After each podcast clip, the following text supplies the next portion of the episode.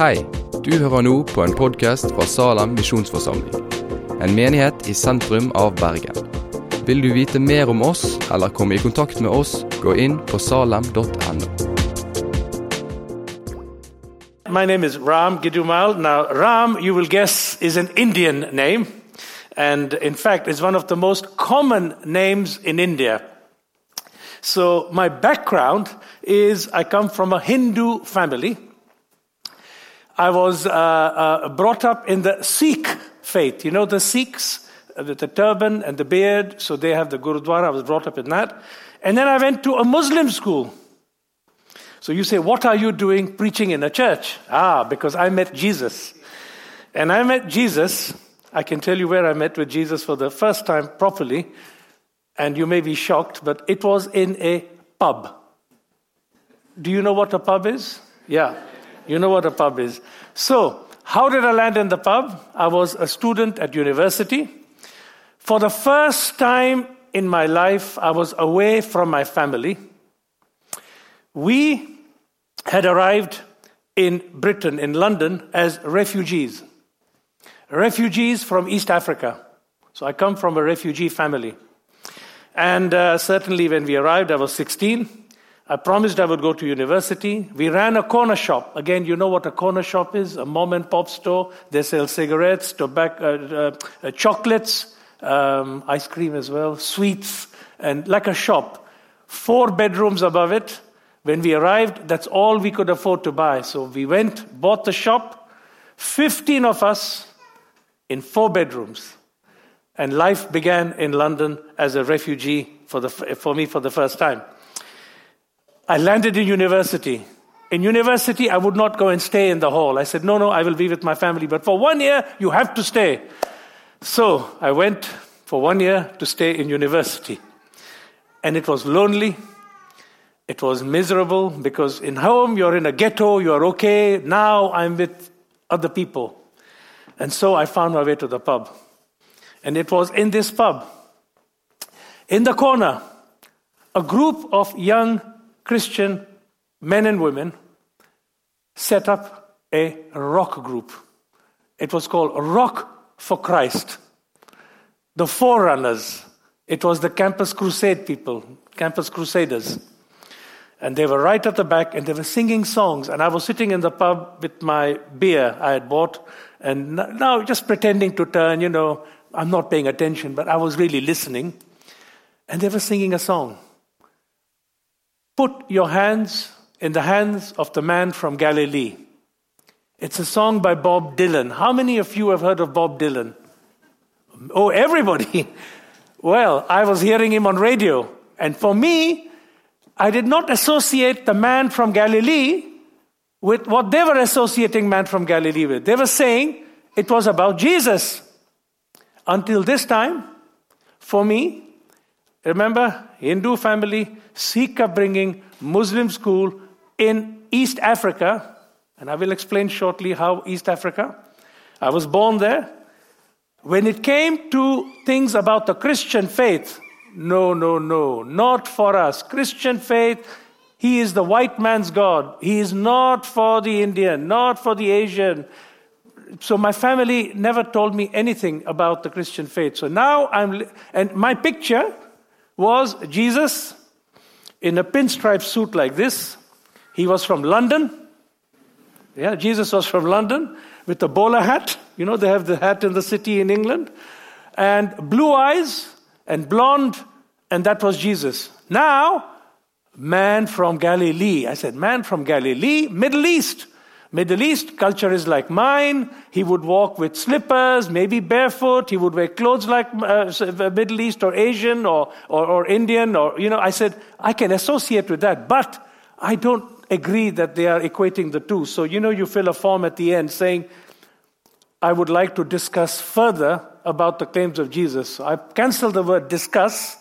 I said, I would like to argue further about the claims of Jesus. I wanted to argue.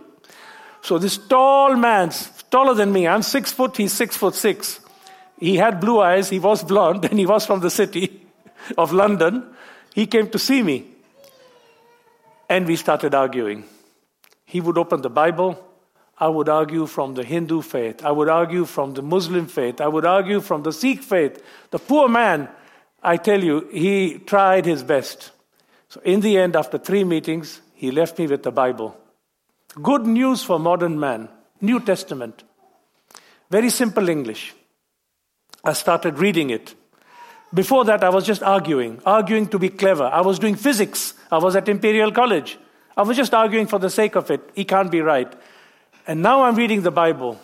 And one by one, friends, I can tell you, when I read the Bible, I began to get very excited. This was the New Testament.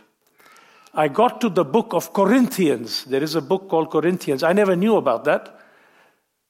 When I read the book of Corinthians, now in London, there is a place called Soho. Soho is like the red light district. I knew Soho all the young boys would go and peep in there and you know you knew those uh, areas you're not supposed to be in now i'm not at home my mother is not watching me i'm free so i'm doing all this i read the corinthians i said this book paul's letter to the corinthians could be paul's letter to the sohoians you read the book of corinthians i said this book the bible could have been written for today. And it was, it says, good news for modern man. I said, it is for modern man. This is making a lot of sense to me. I had read all these other books that I have mentioned to you, the faiths of. My father bought me the Guru Granth Sahib. In the school, there was the Quran, there was the Gita, there were all these books I was reading. Now, reading the Bible for the first time was exciting, was extraordinary. And I got to Revelation chapter 3, verse 20. Behold, I stand at the door and knock. If anyone opens the door, I will come in and eat with him and he with me. And to me, that was so precious. I was lonely. I was thinking, who, who, who will befriend me? Here was somebody, God, saying, I will come. So I remember opening this door in my window, big window in my room, and I got on my knees and I accepted Jesus as my Savior. I accepted that I had sinned. I accepted that I needed forgiveness. And I accepted that Jesus was Lord and Savior. And I gave my life to Jesus at that point. And that was in 1971. And you know, I have never looked back ever since. And when I read today's passage, you have today's passage, uh, uh, my thoughts are from the book of Jeremiah, chapter 29. And I, I won't read the whole chapter, but in verse 1 of chapter 29 in the book of Jeremiah, this is Jeremiah writing and he's writing as follows a text of the letter that the prophet Jeremiah sent from Jerusalem to the surviving elders among the exiles and to the priests, the prophets, and the, all the other people Nebuchadnezzar had carried into exile from Jerusalem to Babylon. The Jews had been exiled, they had been sent to Babylon. Nebuchadnezzar had brought them there, and this letter is addressed to the exiles. Now, when you read the word exile, when I read the word exile, I remember we were sent out. Now, our family was sent out twice. When India was partitioned in 1947, we were on the wrong side of the border. My family were Hindus on the path that became Pakistan. So we were on the wrong side. So families were fleeing from Pakistan, the Hindus were fleeing from India, the Muslims were fleeing, and there was a slaughter taking place. In my own family, I know that my grandfather had 21, there were 21 brothers and sisters, 18 finished. Only three survived. Our family jumped on a ship and the ship brought them to Kenya, and the Kenya is where I was born. So when I met Christian last night, I said, Habari yako. He said, Mazuri sana. He was in Tanzania, 10 years, so we could speak Swahili, which was lovely to hear here in Salem, in Bergen, to speak Swahili. Wonderful experience for me. But exile, when they talk about exile in the Bible, what does it mean to be in exile? It is something that is very relevant today. All over Europe, we are seeing boats arriving, Syrians. Before that, we have Sudanese. Before that, you have Ethiopians, Eritreans. In 1971, from East Africa, it was the East African Asians. Idi Amin said, I don't want Asians in my country. So overnight, the next few days, everyone had to leave. It was the most awful experience. You know, our women, my aunt, my granny, all of them, on the journey from the house to the airport, stopped, give me the bangles. Stopped, give me the necklace. Stopped, Give me the ring you put on your toe. Stopped. Give me your earrings. By the time they reached the plane, there was nothing, just the clothes. Fortunately, we had enough to buy the corner shop I told you about, and 15 of us went in there. But the experience is very, very tough. And, here, and you know, I come from a community, very fortunately, we are Sindhis. Sindhis come from the Sindh, which is in Pakistan. And Sindhis are business people. My grandfather set up a business supplying silk from Japan all along the African coast. Railways were being built. The British were building railways. They brought the workers from India. The wives of the workers need saris, so our family supplied the saris, and we made money. You know, we are known as traders. In India, they say for Sindhis, you know, if it moves, you sell it. Simple. You know, in India, the reputation of my community, I will tell you, they say if you see a poisonous snake or if you see a Sindhi, don't hesitate who to kill first. We have a reputation as business people. And that reputation has also advantages, or the, the skill has advantages, because our one shop became two shops, became three shops, became six shops within two years. We worked hard. We would get up at four o'clock in the morning, we would work till 10 o'clock at night. And we did many, many things I don't have time to tell you about. But if you want a copy of my book, an ebook, I'll gladly allow uh, your pastor to send it to you for, with my compliments, and you can read the detail of the story. But the point is, we did well in our business. My wife's uncle, and my wife is here with me today, Sunita, and my wife's uncle asked me if I would, after I graduated from university, if I would work with him. I said, I will work with you. And they were setting up an office in Geneva, in Switzerland, a trading office. And that office also had an office in Norway, by the way, in Kristiansund. You know, we used to send letters sometimes to Kristiansand, and it never got to my man. It would get there very late. He, his name was uh, Christian Loisius Berset and his wife Kari, and they lived in Kristiansund. and we did stockfish. You know, Norway's economy is oil, but even before the huge discovery of oil and the price of oil, it was stockfish today many jobs in the north of Norway. And I, Sunita's father, my husband's father, used to come and live here for three months, six months. He used to go in the cold winter to buy stockfish. And we dealt with millions of dollars of stockfish for Nigeria. I was reading the headline two years ago Nigeria stopped a bit of stockfish 50 people in a place. Now, I will not pronounce it correctly, but my son in law has already corrected me a hundred times. The spelling says Lofoten, but it's not Lofoten, it is Luf, Luften Islands, yeah? Yeah, something like that. You know what I mean. and 50 people were made unemployed in one company alone because Nigeria stopped stockfish. So it's a very strong connection. If we made money, we know that our friends in Norway made money, and the friendships go back decades. The Sindhis, we did well in the business. And you know, I look back over the years, it was only, and I don't have time today to tell you about my running for mayor of London, but when I ran for mayor of London in, in 2000, the newspaper said, former refugee throws hat in the ring. You understand that expression? Former refugee now wants to run for mayor of London. 15 other people running, and I'm now joining the queue to, to be mayor of London. What excited me was when they used the word refugee, in a meeting like this, many refugees started coming to attend to see, ah, somebody who understands us is here. Somebody who understands and will speak up for us is now running. What does it feel like to be a refugee? What does it feel like to be a people in exile? You know, I said loneliness, like a ghetto. Uh, some of the painful things were, you know, there was a politician, and you know, immigrants are the easiest people to make a political football out of. So we would walk, we were 16, 17, we were seven children uh, in the family at the time in school. We would go to two schools, girls and boys.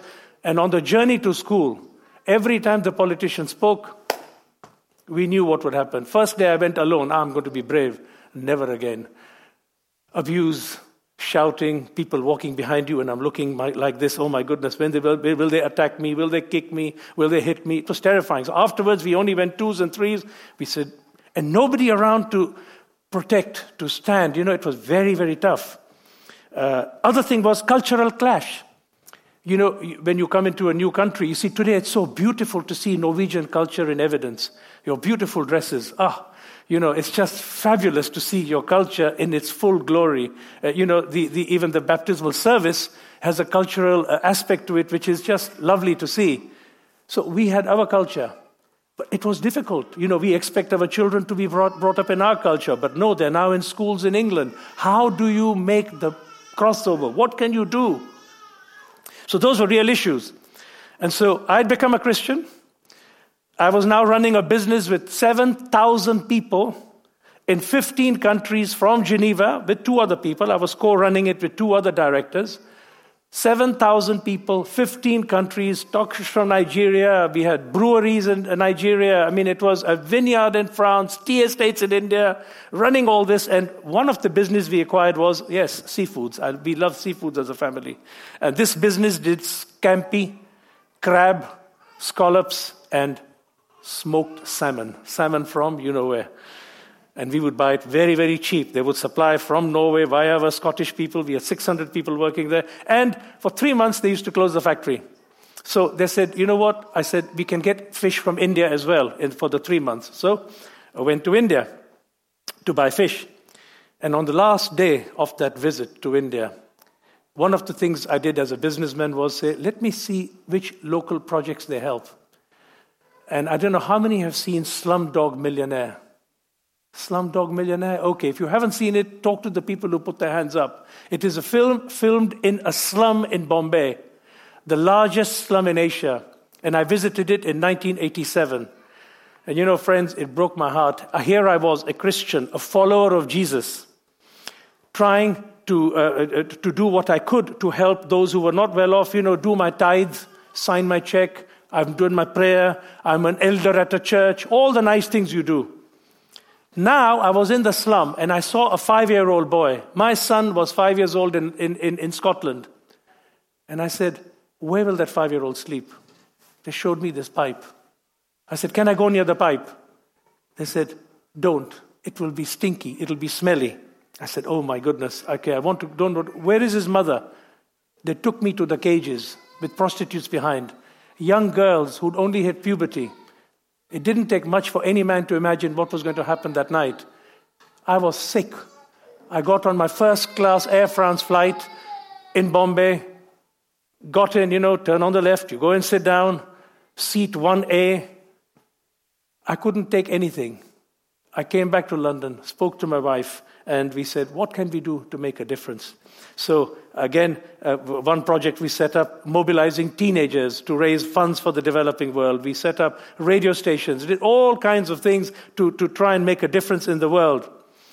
But one of the things I really felt about in all this time, and by the way, we mobilized 50,000 teenagers across Great Britain, and they raised over 5 million pounds. I don't know how many kronos that is, but you can work it out. 13 times 5 million, 65 million krona over that period, but 50,000 teenagers. And the condition was one week Bible study on what Jesus has to say about the poor, and one week how to run a business. One week, checkbook. Money in, money out. Difference, sent to Christmas Cracker. That was the name of the project. And that was your 5 million pounds, 65 million krona. Raised over that period. But I said, that's all good.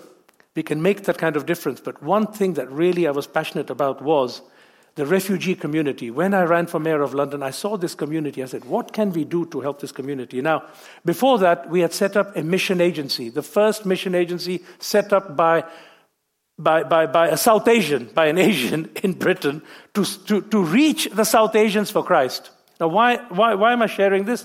Because, you know, when I see the migrant communities coming into Europe, it is one of the most exciting opportunities to share the gospel of Jesus with those who've never heard about him. Can you imagine the visa barriers to go to some countries? Can you imagine the cost of sending people to go to some countries? Can you imagine the effort that it takes, the dislocation? Now, at our doorstep is a mission field. What are we doing about that mission field? So, here in London alone, one million Indians. I was one of those South Asians in London Somebody somewhere was moved to pray for me and to come to me and to come to my room and to tell me about Jesus. Somebody somewhere was called. I, you know, I get so touched when I think, why did they do that? But That is the move of God. That's the move of His Holy Spirit.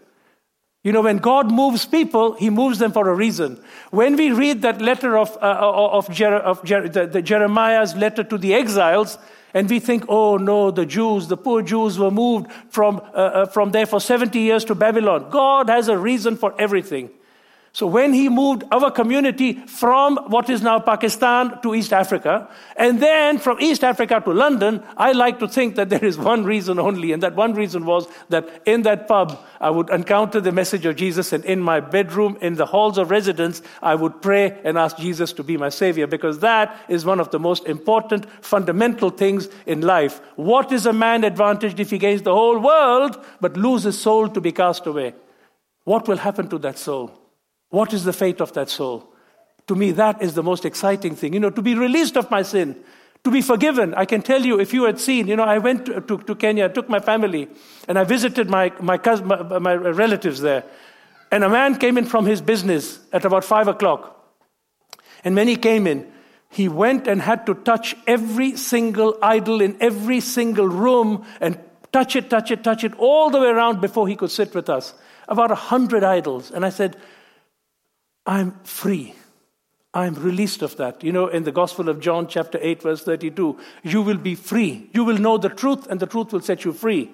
To me, that was exciting. So, what did we do? We said, let us set up in South Asian Concern a training so that the churches would really be not only challenged, but even given the how to. And we have a simple A, B, C, D, which I want to share with you. If you, you know, the question I get asked, and I was asked last night, what can we do when there is a refugee community in our midst? What can we do in terms of uh, uh, uh, reaching out to these communities? What can we do? It was a beautiful question.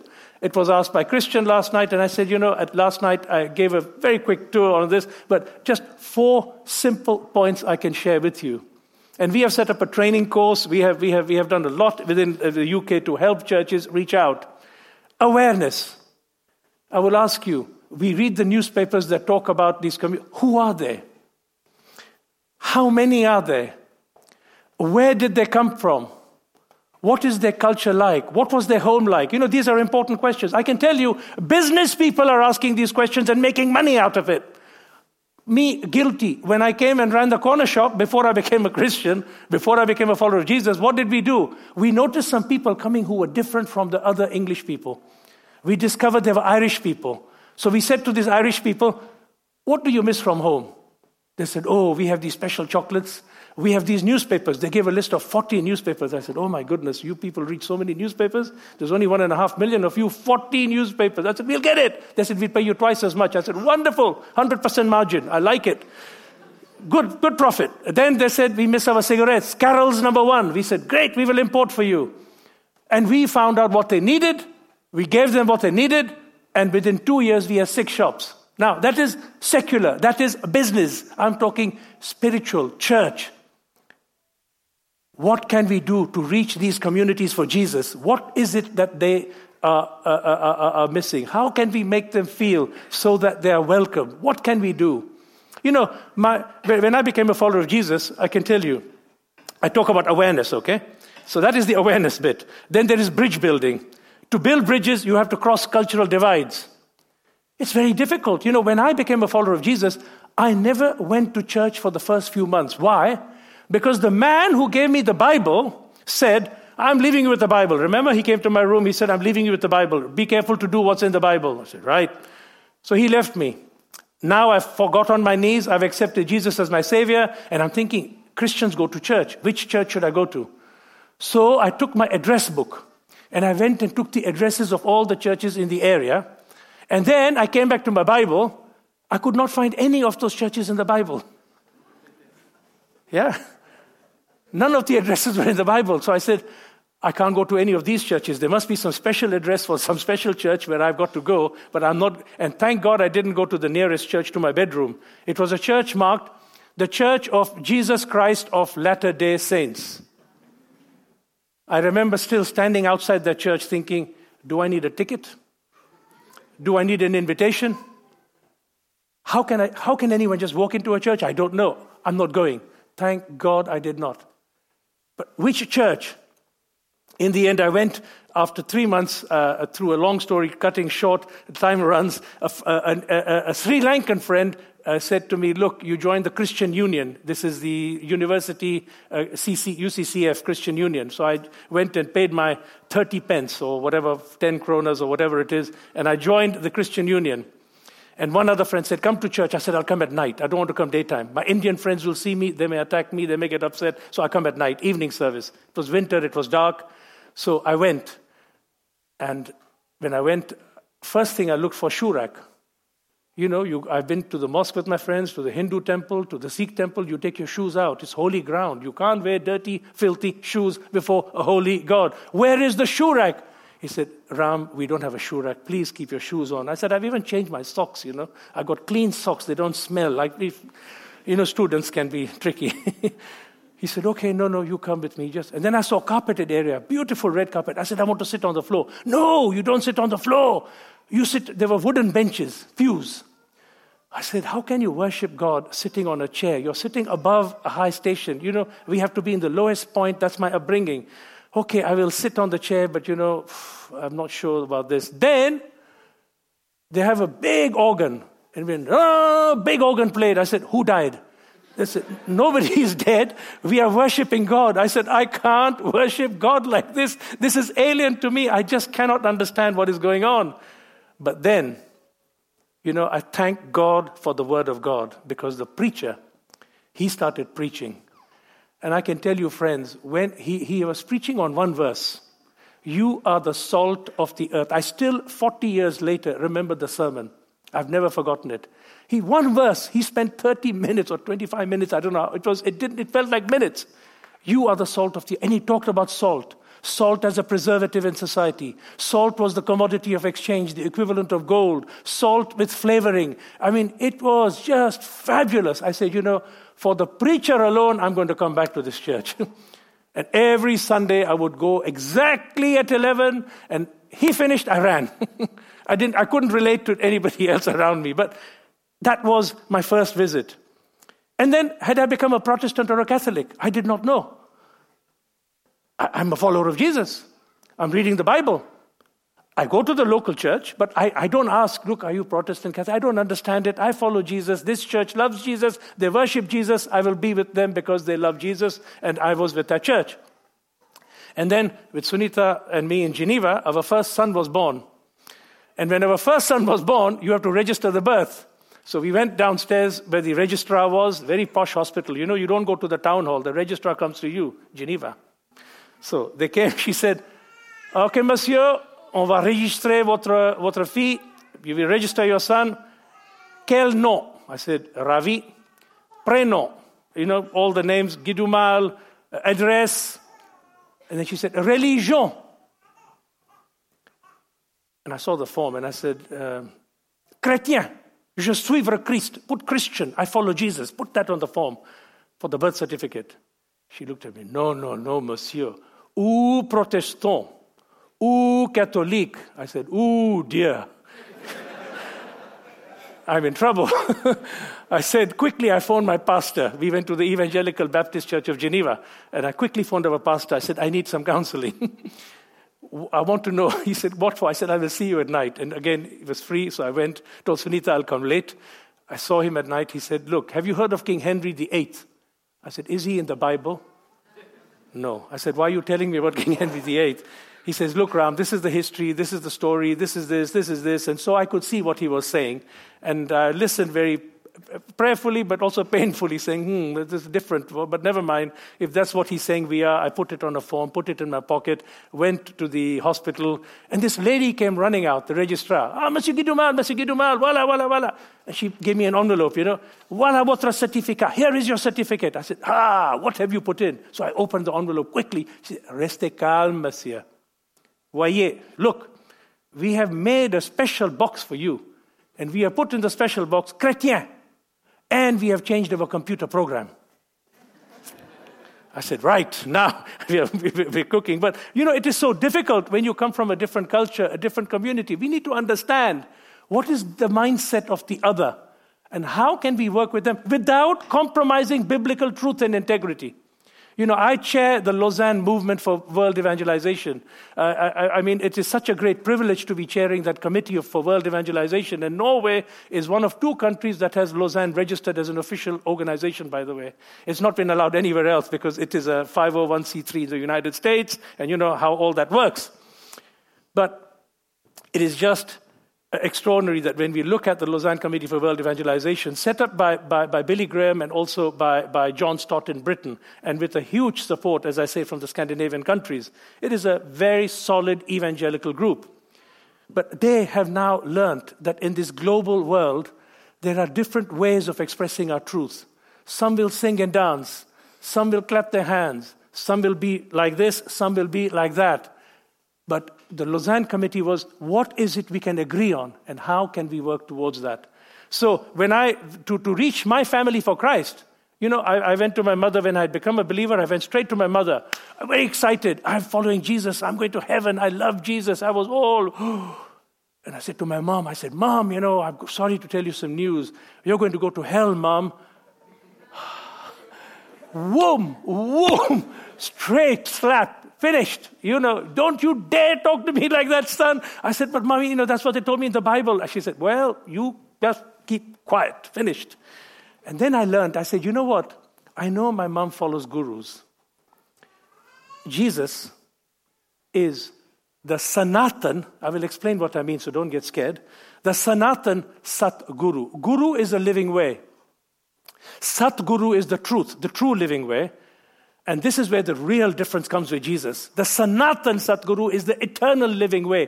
Nobody, but nobody within the Hindu faith ever talks about Sanatan Satguru. They cannot. It's only Satguru. When my mother said Sanatan Satguru, she says, Tell me more. I have never heard about an eternal God. You know, John 14, 6, I am the way, the truth, and the life. No man comes to the Father but by me. Biblical truth, fundamental. My mom said, Tell me about this guru. And I can tell you today, after, I mean, my mom just heard it. She then read the Bible. She became a follower of Jesus. My brother, his wife, his wife's parents, and oh, my sister's sister, uh, my, my sister in law, my, uh, uh, my, my, wife's sister, sister in law, my brother in law. You know, over 50 members of my family have become followers of Jesus. Because they see that there is a relevance that this Jesus is as much for them, that this Jesus also speaks Hindi. This Jesus also understands Urdu. This Jesus also understands Eritrean, Russian, Norwegian, and every language in the world. And when they began to see the universality of that message of Jesus, they said, you know what? That forgiveness of sins, that, that, that, that call to repentance and to accept Jesus as Lord and Savior is something we can relate with. And so, friends, I would leave you with this message because time runs. It said, Worship God for the whole of society. This society includes the exiles, the refugees, the asylum seekers. And I focus on them because it is current in the news. Because every time I see that news, my heart breaks and it hurts. I think, Lord, how can we reach out? How can we help this community? And you know, the challenge I will give you is the Bible says, Love your neighbor as yourself, Jesus said. Love the Lord your God with all your heart, with all your soul, with all your might, with all your strength.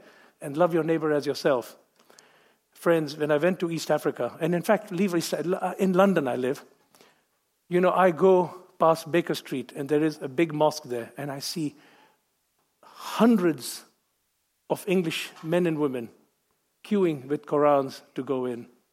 I see the same scenes in many other faith communities. Why am I saying that to you? Friends, it is up to you to reach out to your neighbor, to love to your neighbor, and to reach them for Jesus. It is up to you. Because if you don't reach them, they're going to reach you. Today we have witnessed three beautiful babies being baptized. What will their future be? What community will they grow up in? What society will they grow up in? What do we wish as a legacy for them? Jesus has given us a clear message go and make disciples of all nations. Make disciples of those in your midst. It, it, the word is nations, but it's ethne, penta ethne, people groups. Reach them with Jesus, reach them with the good news. Because, friends, that is a command that our Lord and Savior has given to you and me. Reach them, as I said. Otherwise, they will reach them. And do we want that? Friends, we are really at a very, very strategic time in society. Jesus did not commission an advertising agency. Jesus did not commission an advertising agency. He commissioned you and me to go out with the good news. So I pray I urge, I, I really, really pray that you and I will never forget that message to reach out to others with the good news of our Lord and Savior, Jesus Christ. Can I just close in prayer? Lord, thank you for your word to this people in exile. Thank you, Lord, that you have placed us where you have placed us to do your will and to reach out into this world, into here, right here in Bergen, right where we live. Lord, open our eyes. Help us to see what you would like us to see with your eyes eyes that showed love, arms that were wide open to welcome, to include, to love, and to step out in faith because we know, Lord, you will give us the words and you will give us all that we need. For you are the infinite God, the Almighty God, the everlasting God, the Sanatan Satguru, the eternal, true, and living way. Lord, we give you thanks and praise in Jesus' mighty name. Amen.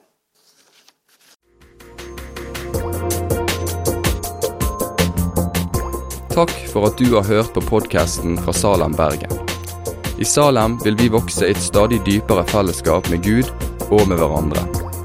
Vi vil være Jesu hender og føtter, og vi vil være med og forkynne frelse for Bergen og resten av verden. Besøk oss gjerne på salem.no om du vil vite mer.